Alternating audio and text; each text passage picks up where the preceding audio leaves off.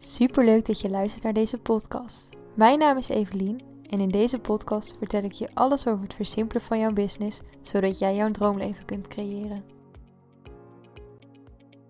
Toen ik net begon met ondernemen, toen dacht ik dat je als ondernemer overal zichtbaar moet zijn. Dat je een LinkedIn profiel moet hebben die helemaal up-to-date is. Dat je actief op Facebook dingen moet plaatsen. Dat je je Instagram goed moet onderhouden en eigenlijk dat je op nog veel meer verschillende kanalen zichtbaar moet zijn. Maar ik merkte eigenlijk al vrij snel dat je als zelfstandig ondernemer helemaal niet die tijd hebt om overal zichtbaar te zijn en om altijd maar zichtbaar te zijn. En natuurlijk heb je allemaal tools waarmee je dingen kunt inplannen en maanden vooruit kan werken. Maar voor mij persoonlijk werkt die manier van werken niet. Ik vind dat niet fijn. Het enige wat ik doe uh, op dit moment op voorhand is podcast opnemen. En zelfs dan heb ik meestal maar hooguit twee podcasts uh, vooruit gepland staan. En verder vind ik het gewoon niet fijn om dingen te plannen. Ik ben iemand die veel liever in het moment dingen plaatst. Ik vind het veel fijner om op mijn gevoel in te kunnen tunen en te delen waar ik behoefte aan heb of waarvan ik merk dat anderen daar behoefte aan hebben. En dat gaat gewoon niet als je altijd vooruit plant. Dan kun je niet altijd inspelen op wat er op dit moment gebeurt. En natuurlijk kun je dan zeggen, dan maak je even een uitzondering en dan plaats je het wel in het moment. Maar voor mij voelt die manier van werken gewoon niet goed. En daarmee wil ik niet zeggen dat die manier van werken niet goed is, alleen dat het voor mij niet werkt. Maar goed, even terug naar dat je overal zichtbaar zou moeten zijn als ondernemer. Voor mijn gevoel was dat namelijk zo. Ik begon als grafisch vormgever en ik werkte op dat moment voor zowel bedrijven als voor gewoon uh, customers. Ik weet even niet meer hoe je dat in Nederland zegt, maar je snapt het. Voor gewoon particulieren, zeg maar. En ja, weet je, die mensen die zijn overal. En ik specialiseerde me toen niet op een bepaald type vormgeving. Of ik had nog niet echt een eigen stijl of wat dan ook. Dat heb ik uiteindelijk ook helemaal niet ontwikkeld. Maar goed, dat is een, uh, een heel ander verhaal. En daardoor waren mijn klanten dus ook echt overal. Weet je, ik had klanten die waren actief op Instagram. Ik had klanten die waren actief op LinkedIn. En dus had ik het gevoel dat ik dat ook allemaal moest. Maar ja, waar haal je die tijd vandaan? Helemaal als je in je eentje werkt. Ik had op dat moment niet zoveel inkomsten dat ik iemand kon inhuren om dat allemaal voor me te gaan doen. En eerlijk gezegd vind ik dat als je alles voor je, voor je laat doen, zeg maar, dat dat ook een beetje ten koste gaat van je authenticiteit. Ik geloof wel dat je hulp kunt krijgen van bijvoorbeeld een goede copywriter. Als jij niet goed bent in schrijven, dan geloof ik dat die copywriter je heel goed op weg kan helpen en heel goed een hele mooie vertaling voor jou kan maken. Maar ik geloof wel dat uiteindelijk jij degene bent die de authenticiteit van jouw bedrijf moet waarborgen. En moet zijn, zeg maar. Dat kan niemand anders voor je zijn, want jij bent het gezicht van je bedrijf. Dus als je altijd een ander laat spreken of laat schrijven, dan zijn het nooit jouw woorden. En met een goede copywriter, die maakt natuurlijk een eigen vertaling van de woorden die jij hebt. Dus als het goed is, sluit dat heel goed aan bij wie je bent. Maar je moet alsnog je eigen creativiteit erin stoppen en je eigen uh, invalshoeken delen. Want anders dan, ja, dan ben je altijd een kopie van een ander. Of ja, in ieder geval, dan ben je niet jezelf. Dus dat zette me aan het nadenken. Nou, toen ging ik in mijn volgende bedrijf aan de slag. En daarin waren we met z'n tweeën, dus dan kon je de rollen al een beetje verdelen. Maar zelfs toen merkte ik dat we best wel all over the place waren, waardoor we eigenlijk uiteindelijk veel minder impact hebben kunnen maken dan, tenminste dat geloof ik, dan dat we hadden kunnen maken als we ons heel diep hadden gefocust op één soort platform, op één bepaald type content. Zodat mensen vanuit daar echt helemaal konden zien wie we waren, in plaats van dat je overal een beetje bent. En dat zette me uiteraard aan het nadenken. En toen ben ik gaan rondkijken en ben ik gaan kijken wat anderen doen en hoe anderen het aanpakken. En hoewel het minder de norm is om je helemaal te focussen op één ding. Dat je toch al veel ziet dat mensen inderdaad bang zijn dat ze, als ze ergens niet online zijn of ergens niet zichtbaar zijn, dat ze dan klanten mislopen. Geloof ik wel echt dat het kan. Dat het mogelijk is om, op je, om je op één ding te focussen en daarmee je klanten binnen te halen. Helemaal als je net begint. Kijk, als je een tijdje bezig bent en je hebt al een leuke inkomstenstroom. En je hebt bijvoorbeeld al wat mensen met wie je samenwerkt. Dan kun je altijd mensen inhuren om bepaalde dingen op zich te nemen. Ik geloof bijvoorbeeld ook heel erg in de kracht van repurposen. Ik denk namelijk dat je alle content en alle ideeën die je ooit ergens voor hebt uitgewerkt, heel goed weer kunt hergebruiken voor op een ander kanaal. En nogmaals, als je dus alleen bent en je hebt gewoon minder tijd, dan zou ik je echt adviseren om je eerst op één ding te focussen. En als er tijd over is, dan kun je bijvoorbeeld die content repurposen voor een ander kanaal of een ander platform. Maar ga niet al je tijd spenderen aan het zichtbaar zijn ergens, want uiteindelijk is het de bedoeling dat je klanten bedient. Maar wat bedoel ik dan precies met zo'n simpele business? Hoe zie ik dat voor me? Ik denk dat er heel veel interpretaties zijn van een simpele business. En ik denk ook dat het heel persoonlijk is hoe jij je business wil inrichten. Ik kan je namelijk wel manieren vertellen die werken, maar als dat geen manieren zijn die voor jou prettig voelen, dan zullen ze voor jou waarschijnlijk nooit gaan werken. In ieder geval niet op de manier waarop ze voor mij werken, omdat ik iets doe wat ik moeiteloos doe, wat ik leuk vind om te doen en waar ik me graag mee bezig hou. Ik bedoel, het is nu vrijdagavond, uh, 8 uur ongeveer. En ik zit lekker op de werkkamer een podcast op te nemen, want daar heb ik zin in. En als jij op vrijdagavond liever met je vriendinnen een terras pakt of een filmpje pakt of liever voor de tv hangt of juist actief iets doet of in ieder geval iets heel anders doet dan wat ik nu doe, dan gaat het voor jou niet werken om op vrijdagavond een podcast op te nemen.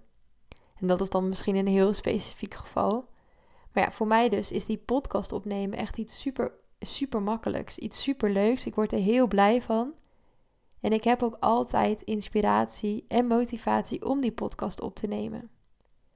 En natuurlijk zijn er ook wel eens momenten dat ik eventjes denk: oh ja, uh, onverwachte dingen die er tussendoor komen. Maar voor mij is die podcast wel een ding dat moet gewoon. Ik heb één keer een podcastdag gemist en dat was omdat ik bewust vakantie had genomen omdat het eventjes mentaal iets minder ging. En dat was dus een hele bewuste keuze. Maar verder moet die podcast er komen. Dus ook als het druk is, moet die podcast er komen. En dat werkt voor mij heel goed. Misschien dat voor jou bijvoorbeeld niet werkt. Maar stel jij vindt praten helemaal niet prettig, of je komt niet makkelijk uit je woorden, of je vindt dat veel te spannend, dan kan het voor jou misschien beter werken om een blog te beginnen.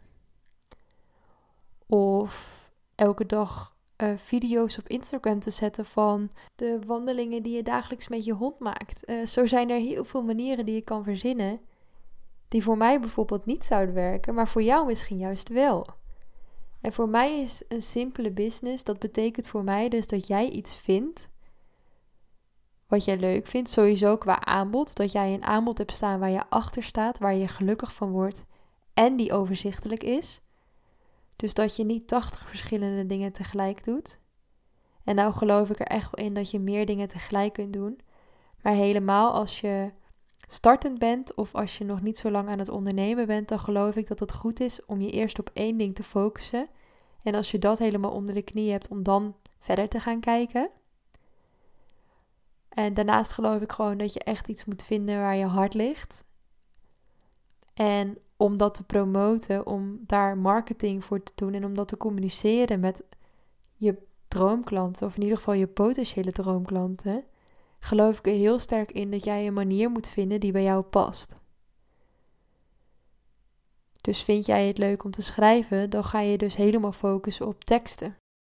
Vind je het leuk om te spreken, dan kun je bijvoorbeeld ervoor kiezen om een podcast te beginnen of om een video op te nemen of om voiceovers te doen.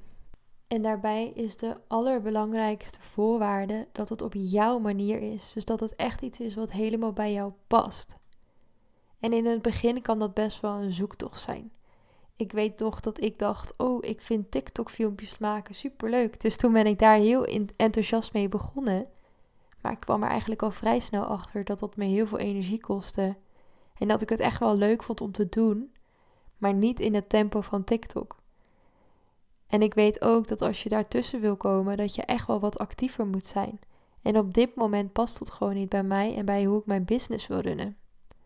Dus ik kan er dan wel voor kiezen om mezelf te forceren en het wel te gaan doen.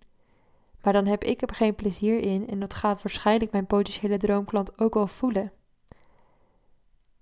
En daarom vind ik het super belangrijk dat je iets doet waar je echt plezier in hebt.